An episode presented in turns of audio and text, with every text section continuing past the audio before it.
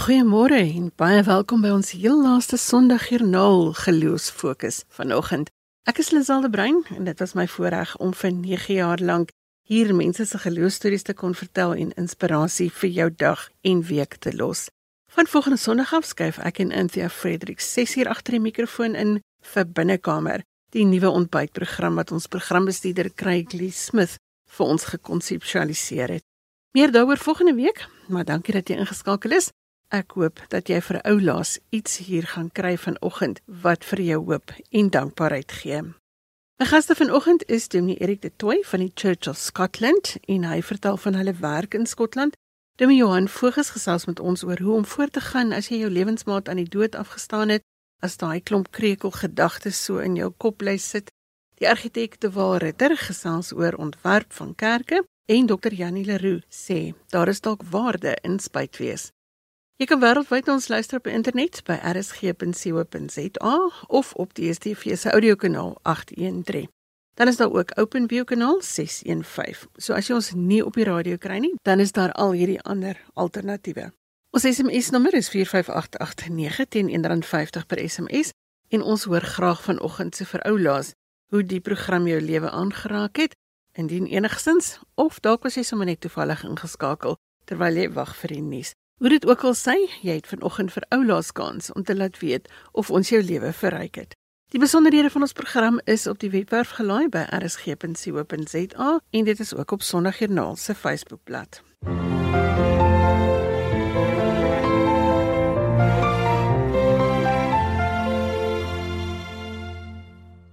Demi Erik de Toey sê in 'n onlangse artikel in die Kerkbode dat dit nog altyd 'n hoogtepunt was om ongewone mense op ongewone tye onbeplant te leer ken. Ek het per WhatsApp by hom ingeloer om te hoor oor hulle werk in Skotland. Goeiemôre Erik. Goeiemôre Lisel, dankie vir die geleentheid. Dit is uh, baie lekker om saam met jou en die luisteraars te kuier vanoggend. Ek en Susan bly tans in Kirkliston, Dis 'n kleinerige plattelandse dorpie so 15 km wes van Edinburgh. Dis um regtig sprokiesagtig mooi en boomryk met baie wandelpaadjies in en rondom die dorp. Kirkliston se naam het oor die jare heen verander. Dit was genaamd Temple Liston in die 1200s. Liston wat beteken herehuis of plaas opstal toe die Knights Templar dit gebruik het as 'n plek van samekoms, kan jy glo. Na hulle ontbind het in die 14de eeu is die woord tempel met kerk vervang wat soos jy kan aflei kerk beteken in die ou Skotse taal. Dis dan ook hier um, in hierdie 800 jaar oue kerkie waar ons sonnaandoggende bymekaar kom om die Here se naam aan te roep. Kerkhou is lekker, en in sekere geleerde soortgelyk aan 'n tradisionele NG Kerk erediens. Hier word ook gedoop en genagmaal en uit die woord gelees. Mense raak hier ook kwaad as die dominee te lank preek, maar dis die samesyn en kuier na die erediens waarna ek dikwels die meeste uitsien. Ehm um, die skotte is baie vriendelik en gasvry. Ek dink dis omdat hulle vir jare onderdruk is deur die Engelse. Hulle ken van swaar kry en juis daarom leef hulle met soveel waardering vir die vryheid wat hulle nou het. Oor die algemeen is ons baie gelukkig en tevrede en skuur ons lekker skouers met veral die jonger inwoners in Kirkliston. So kom dit julle besluit om in Skotland te gaan woon en werk. Die Skotte is lief vir daardie vraag. Ek sal dan grappensgewys sê vir die weer wat hulle laat skaterlag want dit sal die heel laaste rede wees waarom iemand hier kom draai. Voor ek en Susan getrou het, het ons albei die hartsbegeerte gehad om vir 'n tydperk oor see te bly en te werk. Ons het toe begin navorsing doen om 'n plek te vind wat in lyn is met albei ons beroepe. Die VK was van die beste opsies aangesien Susan dan ook hier haar passie vir arbeidsterapie kan uitleef. Ek dink soos baie dinge in die lewe was dit 'n kombinasie van goed, 'n sin vir avontuur, die onbekende te verken, te reis en natuurlik ook 'n roeping, 'n vaste oortuiging dat die Here ons hier wil gebruik om vriendskappe te bou, om sout en lig te wees en die evangelie prakties uit te leef. Erik, is die uitdagings in Skotland vir jou anders as die uitdagings in Suid-Afrika? Hoe verskil die geloofsgemeenskappe? Ek dink die die grootste uitdaging in Skotland en dalk die hele VK is 'n gevoel van onvergenoegdheid. Hier is welvaart en oorvloed soos jy dit nie kan glo nie. Fisiese armoede bestaan eintlik nie. Maar mense is dikwels diep ongelukkig. Hulle weet nie meer wat dit beteken om gelukkig te wees nie. Jy's daarom word daar baie klem geplaas op geestesgesondheid. Hier is van die hoogste dwelmmisbruik en selfdoodsyfers in Europa. Die uitdaging vir my en ek dink vir enigiemand anders in die kerk is om aan mense hier te kommunikeer dat die opwinding wat materiële voorspoed bied van korte duur is en dat 'n verhouding met Christus Jesus die enigste hoop tot 'n lewe van oorvloed en vervulling is. Maar dit is moeilik, dis dis baie moeilik. Ek self sukkel dan met tye om oor te gee aan 'n liefdevolle opperwese. Wat my egter gemotiveerd hou, is daardie oomblikke waar ek verandering sien. sien hoe iemand iets iets begin begryp van God se liefde dat daar meer is as dit wat ons hier in die fisiese kan sien en dat mense besef hulle is geliefd en dat hulle geskape is met met 'n spesifieke doel en dit is om liefde te ontvang en dan ook om liefde uit te deel. Waarvoor is jy dankbaar en wat gee vir jou hoop? Sjoe, daar's uh, baie waarvoor ek dankbaar is, maar ek is veral dankbaar vir geleenthede wat ek uh, oor die jare gekry het om te groei in my menswees maar ook in my spiritualiteit. Geleenthede wat my gevorm het en en my toegelaat het om om foute te maak in 'n in 'n veilige omgewing. Of dit nou was deur my ouers uh, of my gesin of familie of die skole in Wellington of my studies op Stellenbosch by die kweekskool of die koshuislewe in Wilgenhof of van die baie ander gemeenskappe waarvan ek al deel was by Echo Jeugontwikkeling of Mes in Johannesburg en nou hier in Skotland. Gemeenskap en veral diverse gemeenskappe herinner my dat God kleurryk en kreatief is en dit vul my weer met hoop omdat ek iets van sy omvangryke liefde beleef in die omgee oor grense heen. Ek was in gesprek met Donie Erik de Tooi in Skotland. Goeiemôre as jy sopas ingeskakel het. Jy luister vir Oulaas dan Sondagjoernaal hier op RSG. Ons gesels gereeld elke Sondag oor dankbaarheid en hoe dit jou lewe kan ontknoop. So as jy nou vanoggend so 'n bietjie vasgeknoop voel, kan jy gou dankie sê vir iets. Jy kan vir my WhatsApp by 45889 of jy kan vir eendag lank jou sê waarvoor jy dankbaar is. Ek is dankbaar vir die afgelope 8-9 jaar waarin ek saam met jou kon kuier op die lang pad en in die kombuis en by die werk en daar waar jy nog lekker ingelê het.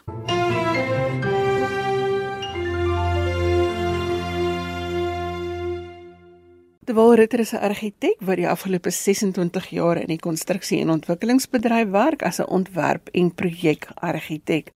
En vanoggend gesels ons oor die funksionaliteit van ontwerp en spesifiek kerkontwerp. Goeiemôre De Wal. Môre Lisel, eh, môre aan jou luisteraars ook. De Wal, jy spesialiseer in skoolruimtes en ek kon nie 'n kerkontwerper betyds opspoor nie. Toe wonder ek, Ontwerp is darem sekere universele konsep met sekere reëls wat dieselfde is vir enige gebou. Het sy dit nou 'n skool of 'n kerk is? Lazel, ja, ek uh, kan met jou saamstem. Ek dink 'n normale ontwerpproses soos ons as argitekte mag gewoond is om te uit te rol is van toepassing het sy jy 'n skool, 'n kerk of 'n kommersiële sentrum bou. Ek dink die die eerste vraag is vir my altyd, ehm um, verstaan ek wat my kliënt soek? Verstaan ek die visie of die droom wat hulle het en wat hulle graag wil bereik deur hierdie gebou neer te sit. Onthou op die ouene van die dag is die gebou maar net 'n uh, omhulsel waar binne 'n funksie in plaas vind en is daai omhulsel reg vir die vraag wat hy moet antwoord. Dit word nogal ehm um, verder aangevul deur die feit dat uh, die konteks waarin daai om omhulsel of gebou dan staan um homself bevind en verstaan ek as ontwerper uh die konteks waarna daai gebou neergesit word. So daar's 'n 'n invloed van binne af en daar's 'n invloed van buite af wat 'n groot rol speel in terme van die ontwerpproses. Watter rol sal byvoorbeeld akoestiek in die ontwerp van 'n kerk speel? Ek weet daar's ander dinge wat ook belangrik is, maar 'n kerk vir my het spesifiek goeie akoestiek nodig.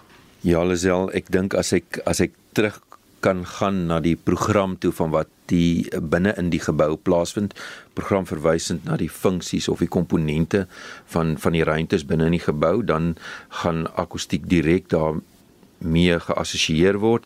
Ek dink as 'n mens gaan kyk in die geskiedenis van hoe kerke aanvanklik ontwerp is, kom ons dink aan Rooms-Katolieke kerke wat wat 'n spesifieke plek vir 'n koor gehad het. Die gereformeerde kerke, as ek nou vinnig dink aan die onlangse 50, 60 jaar waar orgels 'n belangrike rol gespeel het, soms ook 'n galery vir 'n koor om op te sit, het ehm um, moet dit goed klank kan oordra en dink ek is die ontwerp van van daai binneste ruimtes moet bevorderlik wees vir akoestiek.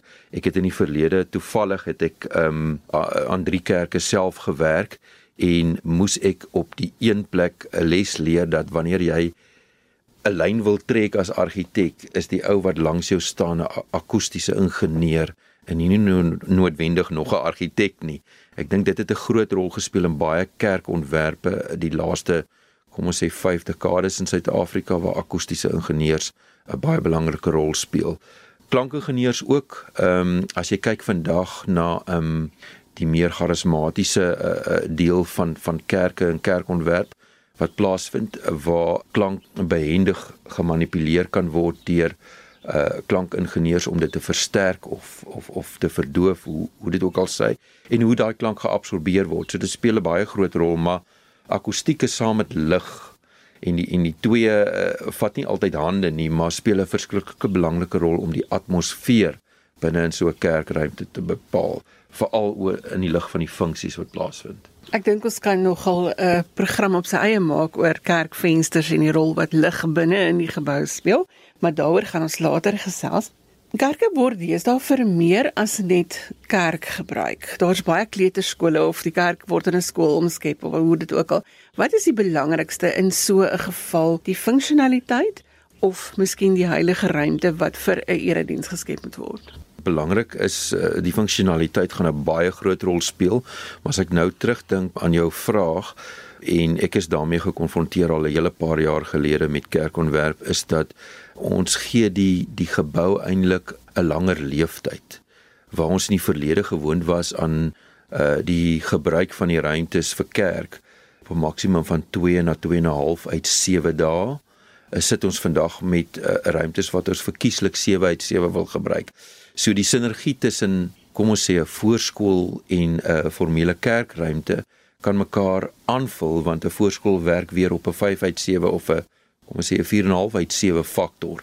En uh, dit is suksesvol al toegepas dat die twee kan saamleef. So funksionaliteit speel 'n geweldige rol want beide moet geakkommodeer kan word en dit maak dit ook meer vatbaar in in vandag se tyd waar ons sien dat kerke kan nie noodwendig net groot verbande of finansiering kry om geboue op te rig nie waar jy uh, 'n sinergie kan kry uh, tussen 'n kommersiële gedeelte en dan uh, as ek kan noem 'n meer heilige gedeelte. Daar's baie suksesstories rondom dit. Uh oor die algemeen kyk ons nou anderste na hoe ons ons geloof beoefen. Dit's meer 'n 24/7 prentjie wat ons um toenadering sou soek tot die Here of of stil wil raak. Met ander woorde, die ooreenkomste gaan dit 'n uh, groter impak hê en gaan die gewig van die praktiese deel van die geboue ontwerp baie swaarder begin weeg as net die estetika.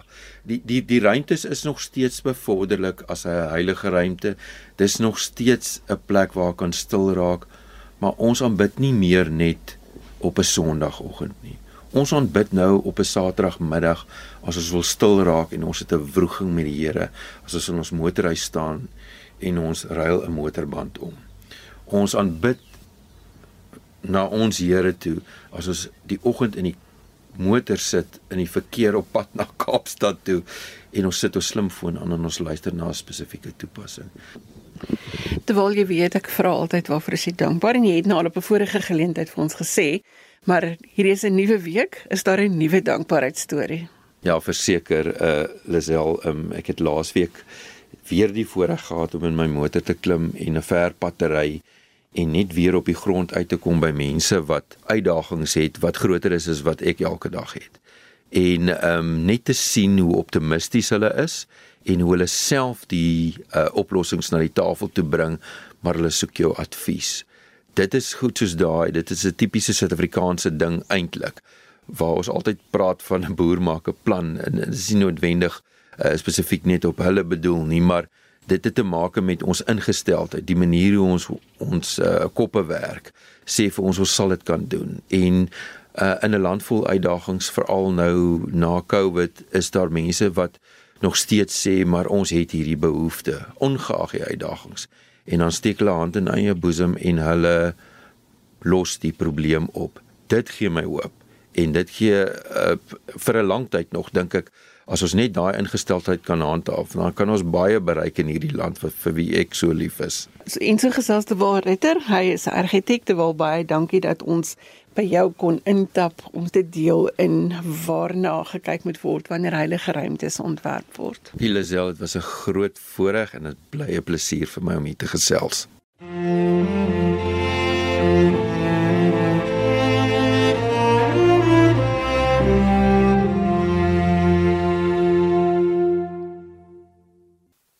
Jy is ingeskakel op RSG en die program is Sondagjoernaal. Dankie dat jy ons in jou spasie toelaat en dat jy kies om jou radio op RSG te hou.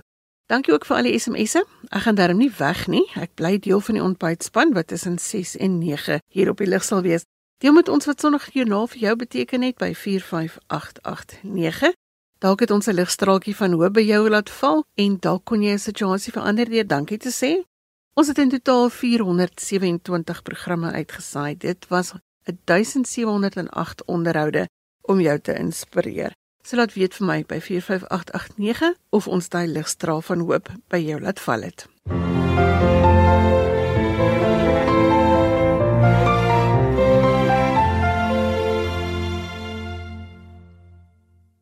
Ons het almal soms krekelgedagtes. Dis nou daardie gedagte wat jou hoop wil steel en jou dankbaarheid se lig wil uitdoof. Maar ons weet ook nou mos dat as jy daardie krekelgedagte kan uitstryk, dan lyk dinge weer heel anders. Ons gesels vanoggend met Dr. Johan Voges oor hoe hy die lewe aanpak na sy vrou se afsterwe en hoe hy daai krekelgedagtes uitgestryk het. Môre Johan. Môre en môre ook aan jou luisteraars. Johan, hoop is 'n lekker kort skoon woord om te sê, maar dis iets wat baie min van ons heeltemal ontglip. Dis af my moeder kom dit so te antwoord. Ek sou eerder wil sê dis nie om by hoop uit te kom nie, maar oor wat maak ek met die hoop wat ek het? Want as ek Paulus reg verstaan dan sê hy daai 1 Korinte 13 dat elkeen vir ons die genadegawes gekry het om te kan lief hê en om te kan glo en om te kan hoop. En wat om ons stel was dat die mense in Korinte daarmee gemaak het, is hulle het hierdie vermoëns wat hulle gekry het gebruik om hulle self mee te verryk of om hulle vroomheid beter te laat te laat lyk oor hoeveel hulle daarvan gehad het of nie. En as ek my eie storie terugblaai oor die afgelope jaar na my vrou se heen gaan, is een van die moeilikste uitdagings wat ek gehad het is hoe om op my alleen manier steeds 'n verskil gemaak te probeer kry. Want waar ek dit kon regkry om die liefde en die hoop en die geloof wat ek gekry het met ander te kon deel, het dit in hulle lewe verskil gemaak en ook in myne wat dit weggegee het ek dink seker as ek dink oor daarheen gaan was dit nou al twee dinge wat ek anders gedeur leef moes kry. En die een was waar pas ek in in my alleenheid waar ons vroeër altyd saam betrokke by was. En die tweede ene was hoe kan ek steeds 'n verskil gemaak met die verskil wat die Here in daai verskil vir my maak.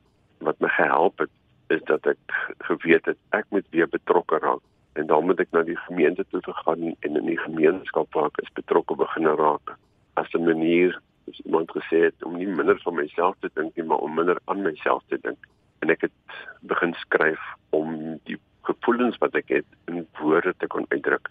So behalwe vir die boekie wat ek afgelope jaar geskryf het, het ek ook my voorgenem om elke week 'n gediggie te skryf wat ek op Facebook geplaas het as my manier om mense te laat insit oor my eie krekelgedagtes oor lewe en oor dood.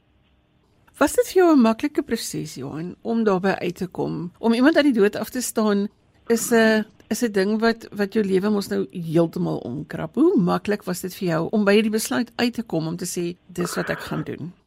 Dit is nooit maklik nie. As ek dink ook as ek in my eie lewe dink waar ek 40 jaar by die kant was en met die sterfbeddens wat ek gestaan het, weet ek dis een plek waar ek geweet het hierdie is heilige grond. Hier moet 'n mens jou logika skoene uit uittrek wat jy dink jy weet wanneer jy met kalfvoet staan in die misterie van God se teenwoordigheid. En ek weet ook daar's geen twee mense wat dit op dieselfde manier ervaar nie. Daar's ook nie 'n padkaart wat jy sê hoe maklik kom jy hier uit nie. Ek ek dink baie keer aan wat Kibble Ross gesê het. Sy het gesê mense gaan as jy in trauma gaan deur verskillende stadiums en jy kom daar aan die einde by 'n aanvaarding. Ek dink dis die een ding wat ek vanaand verskil en sê vir my het dit nooit gekom by hoe aanvaar ek dit nie, maar hoe leer ek om daarmee saam te leef. En ek dink dis vir my dis vir my die uitdaging om te sê elke dag hoe kry ek saamgeleef met my maat se se een gaan goed sy is aan kanker oorlede wat op 'n stadium gesê het Here as daar ergens so iets is so sterwensgenade help asseblief vir my en ek weet die dag toe sy sterf het dit is is dit is 'n verlossing gekom van haar naam is die moeilike ding en dis wat maak ek nou en dit was nou vir myself voorgenem het ek moet opstaan. Ek moet hierdie loop. My kinders kan nie namens my hierdie pad loop nie. Ek moet dit self loop. So dis my elke dag steeds 'n uitdaging om te sê, hoe staan ek op en hoe kry ek hierdie dag 'n verskil gemaak? Dit is belangrik dat 'n mens die een wat jy afstaan aan die dood amper terugweef binne in jou lewe in om om daardie bestaan dan te doen nie sonder hulle nie maar op 'n ander manier saam met hulle. Het dit jou aan die ander kant van twyfel gebring by hoop, Johan?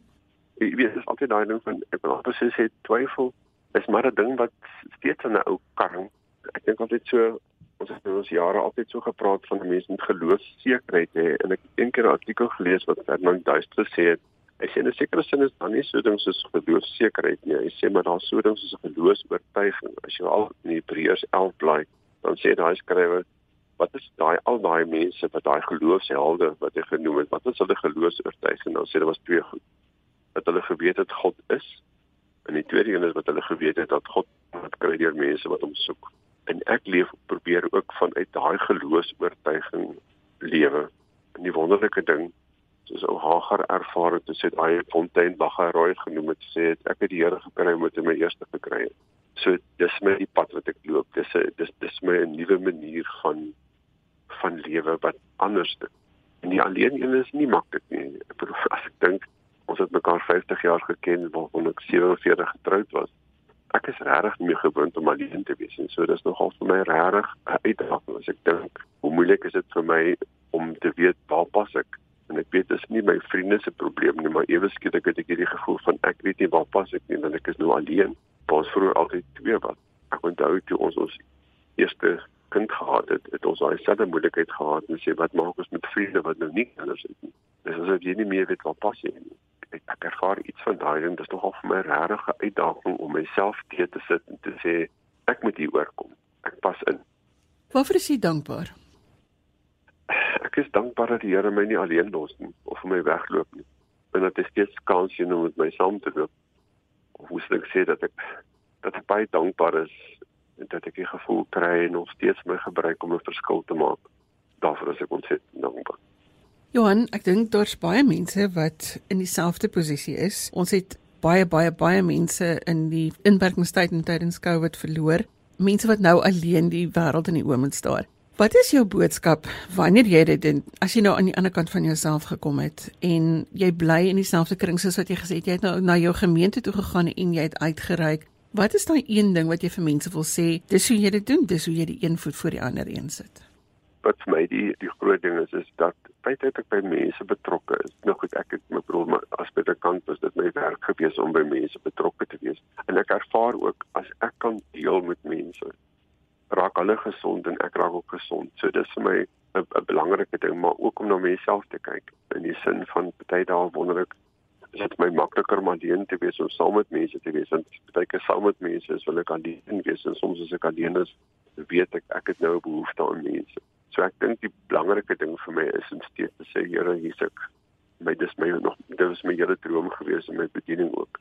Hoe kan ek 'n verskil maak en sê asseblief Here, as dit daarby kom, dit kan net werk as U 'n verskil in my verskil maak.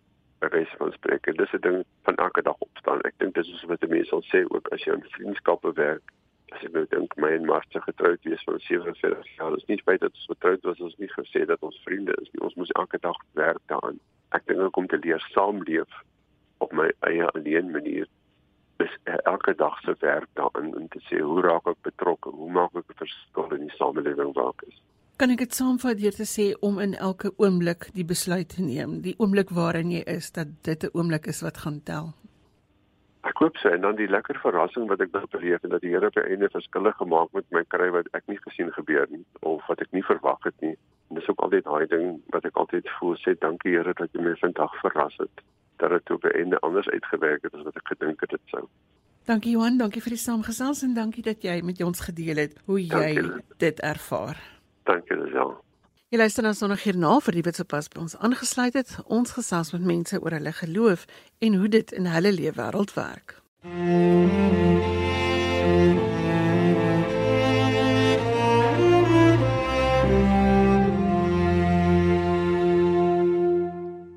Ons gesels met Dr. Janie Leroux vanmôre. Hy is 'n afgetrede predikant wat hom nog besig hou met skryfwerk en toere en alle ander interessante dinge. Goeiemôre Janie. Hallo Lisel en hallo luisteraars. Ja, nee, die spreekwoord sê spyt kom altyd te laat, maar jy sê daar lê tog ook 'n dalk voordeel in die proses van spyt wees. Hoe werk dit? Miskien sou vertel, ene aand het ek 'n Wilma episode gekyk van die talentreeks Britain's Got Talent. Dit was daardie 2010 reeks. En toe stap 'n ouerige dame op die verhoog en sy begin sing 'n liedjie met die titel No Regrets. Haar naam was Janie Cutler. En sy is in daardie stadium 80 jaar. En ek het nogal die aand gedink, Janie se ouderdom en ja, braafheid om op te tree, gee nogal dieper betekenis aan die liedjie No Regrets. Ek het selfs gewonder of dit iets is wat ek aan die einde van my lewe sou wou sing. Die laaste vers van wat Janie gesing het is Life still goes on. Yes, even though love has gone. One last kiss, shrug and sigh. No regrets as we whisper goodbye. Nou toe die bekende Simon Cowell op die ouend vir haar vra aan die einde Hoeveel jare het jy gewag om dit te doen? Was haar antwoord: I am just thankful I am here tonight. En al drie daai beoordelaars het vir haar ja gesê en die Simon het nogal omgedry en hy skaar gekyk en toe gesê 3003 yeses. Nou Janie het die volgende jaar gesterf en ek dink nogal sy was nie spyt sy die kans geneem om op te tree nie. Die vraag is natuurlik, kan 'n mens sonder spyt lewe? En ek dink nee, want hoewel die gevoel van spyt negatief voel, kan elke vir sy ervaring of emosie van spyt wees uh, positief of ten goeie gebruik. En natuurlik moet ons verstaan soos 'n mens ouer word, het jy meer jare van jou lewe om oor terug te kyk en jy kan ook al sien wat het gewerk en wat het nie gewerk nie. So die rykwyte van 'n mens se spyt raak al hoe meer hoe ouer jy word. En daar sal soveel mense wees wat vir jou sê, ek wens ek het daardie kans geneem of meer kansse gevat of ek wens ek het harder aan dit of dat gewerk. Byvoorbeeld, ons het 'n tannie geken wat in die woonstel langs ons in Stellenbosch gebly het. Nou sê hy dat dikwels oor ons ontferm want ek en Wilma was jong getroude studente. En een jaar ry ons na Stellenbosch vir my navorsing en die hele tyd voel dit vir my ons moet by haar gaan inloer. Maar toe gaan besoek ons haar nie. En die volgende week hoor ons toe dat sy net enkele dae nadat sy haar nie besoek het nie, oorlede is. So al het sy nie geweet van my gevoel nie, is ek steeds nog spyt dat ek nie vir oulaas ingeloer het nie. So wat is die positiewe wat dan nou wel uit hierdie spyt gekom het, Janie? Spyt het my nogal gehelp om hierdie gevoel of indruk ernstig op te neem. En ek het besluit ek gaan nooit weer daardie gevoel as dit so my binneste opkom ignoreer nie. As ek daardie diep besef kry dat ek iemand moet kontak, dan doen ek dit eenvoudig deesdae. En ek kan vir jou nog baie stories daaroor vertel van mense wat dan vir my vra, "Hoe het jy geweet?" Wat my weer in die ding gesit het oor spyt, is die navorsing wat Daniel Pink gedoen het oor spyt, oftewel regret. Hy het onder andere 'n World Regret Survey geloods waarin hy mense reg oor die wêreld genooi het om dit waaroor hulle spyt is te noem. En hy het 16000 regrets van mense gekry uit 105 lande. Net so humoristiese kant aantekening, dis hoekom ek nou so glimlag. Ek dink hy was seker aanvanklik redelik spyt uit die uitnodiging so wyd gemaak, want hy het elkeen van daardie 16000 response gelees en jy kan net dink hoe lank dit moes neem. Maar mense was oor bykans enige iets spyt. En toe kom die deurbraak. Hy het besef mense het veral vier goed waaroor hulle spyt is, die dieper vier goed. En dit het eintlik nie baie te maak met beroep of gesondheid of finansies of wie goed wat ons elke dag dink nie. Jy het my nou nuuskierig, wat is daai vier goed? Wel, ek gaan nou nie tegniese terme noem nie. Telkens het hy gevind dat daar mense is wat spyt is dat as ek net die werk gedoen het. Met ander woorde, as ek net my graad klaar gemaak het of wat ook al, as ek net die werk gedoen het, En tweedens was daar die spyt van mense wat iets nie gedoen het nie. Mense is meer spyt oor wat hulle nie gedoen het nie as oor wat hulle wel gedoen het. Mense is spyt omdat hulle te veilig probeer speel het of probeer wees het. En derdens is die spyt dat ek nie die regte of die morele ding gedoen het nie. En vierdens die spyt as ek tog net uitgereik en kontak gemaak het. Ja, nie vir sommige goed kan ons nou net eenvoudig nie die tyd terugdraai nie. Wat maak ons nou met daai spyt met die goed wat ons nie kan teruggaan en gaan regmaak nie? Ek dink ons moenie ontkennend leef nie. Spyt is nie 'n emosie wat ons moet wegwens nie. Spyt hou ons almal menslik. Spyt is 'n kragtige emosie wat ons kan help met 'n betekenisvolle lewe. Dit is 'n dryfkrag wat jou kan motiveer om nog steeds te groei en nog steeds 'n positiewe verskil in die wêreld te maak. So spyt help bou jou karakter ten goeie. So mens moet besef waaroor jy spyt is en jy weet dit gaan gevoelens bring wat jou seermaak. Maar begin dan kyk, wat leer dit my? Wat kan hierdie spyt my leer sodat ek kan groei? So ons maak van spyt 'n positiewe opvoeder eerder as 'n negatiewe kritikus. En dan laat ons toe dat spyt ons lei na nuwe uitdagings om die lewe beter te hanteer. Ek dink dit is ook goed om met iemand te gaan gesels oor spyt, oor dit waaroor jy spyt is. Want deurdat jy dit hardop verbaliseer, help dit ons om dinge in perspektief te sit.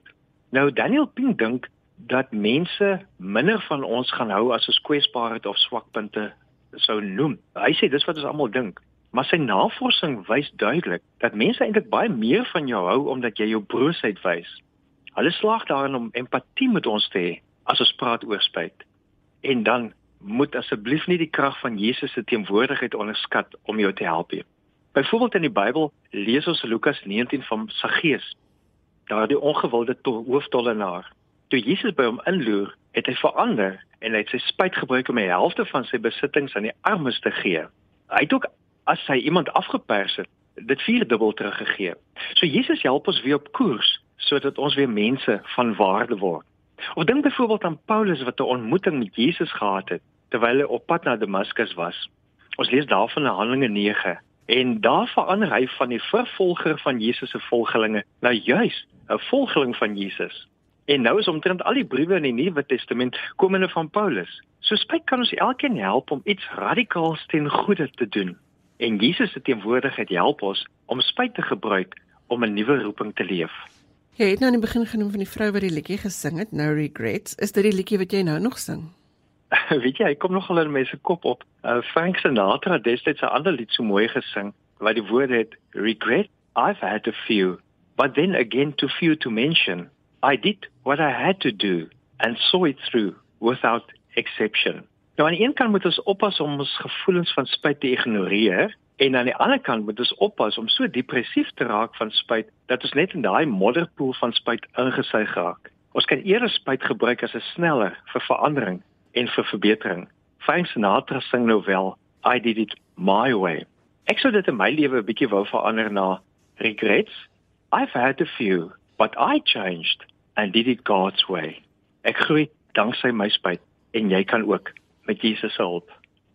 Ek dink dit is 'n goeie ding as ons daardie spytoomblikke aanpak met 'n pen en 'n joernaal in die hand, veral hier na die aftel na Pinkster toe en dan kan ons sommer seker maak dat ons krag put uit dit waarvoor ons spyt is. Dankie Jannie vir die saamgesels vanoggend. Goed voorreg.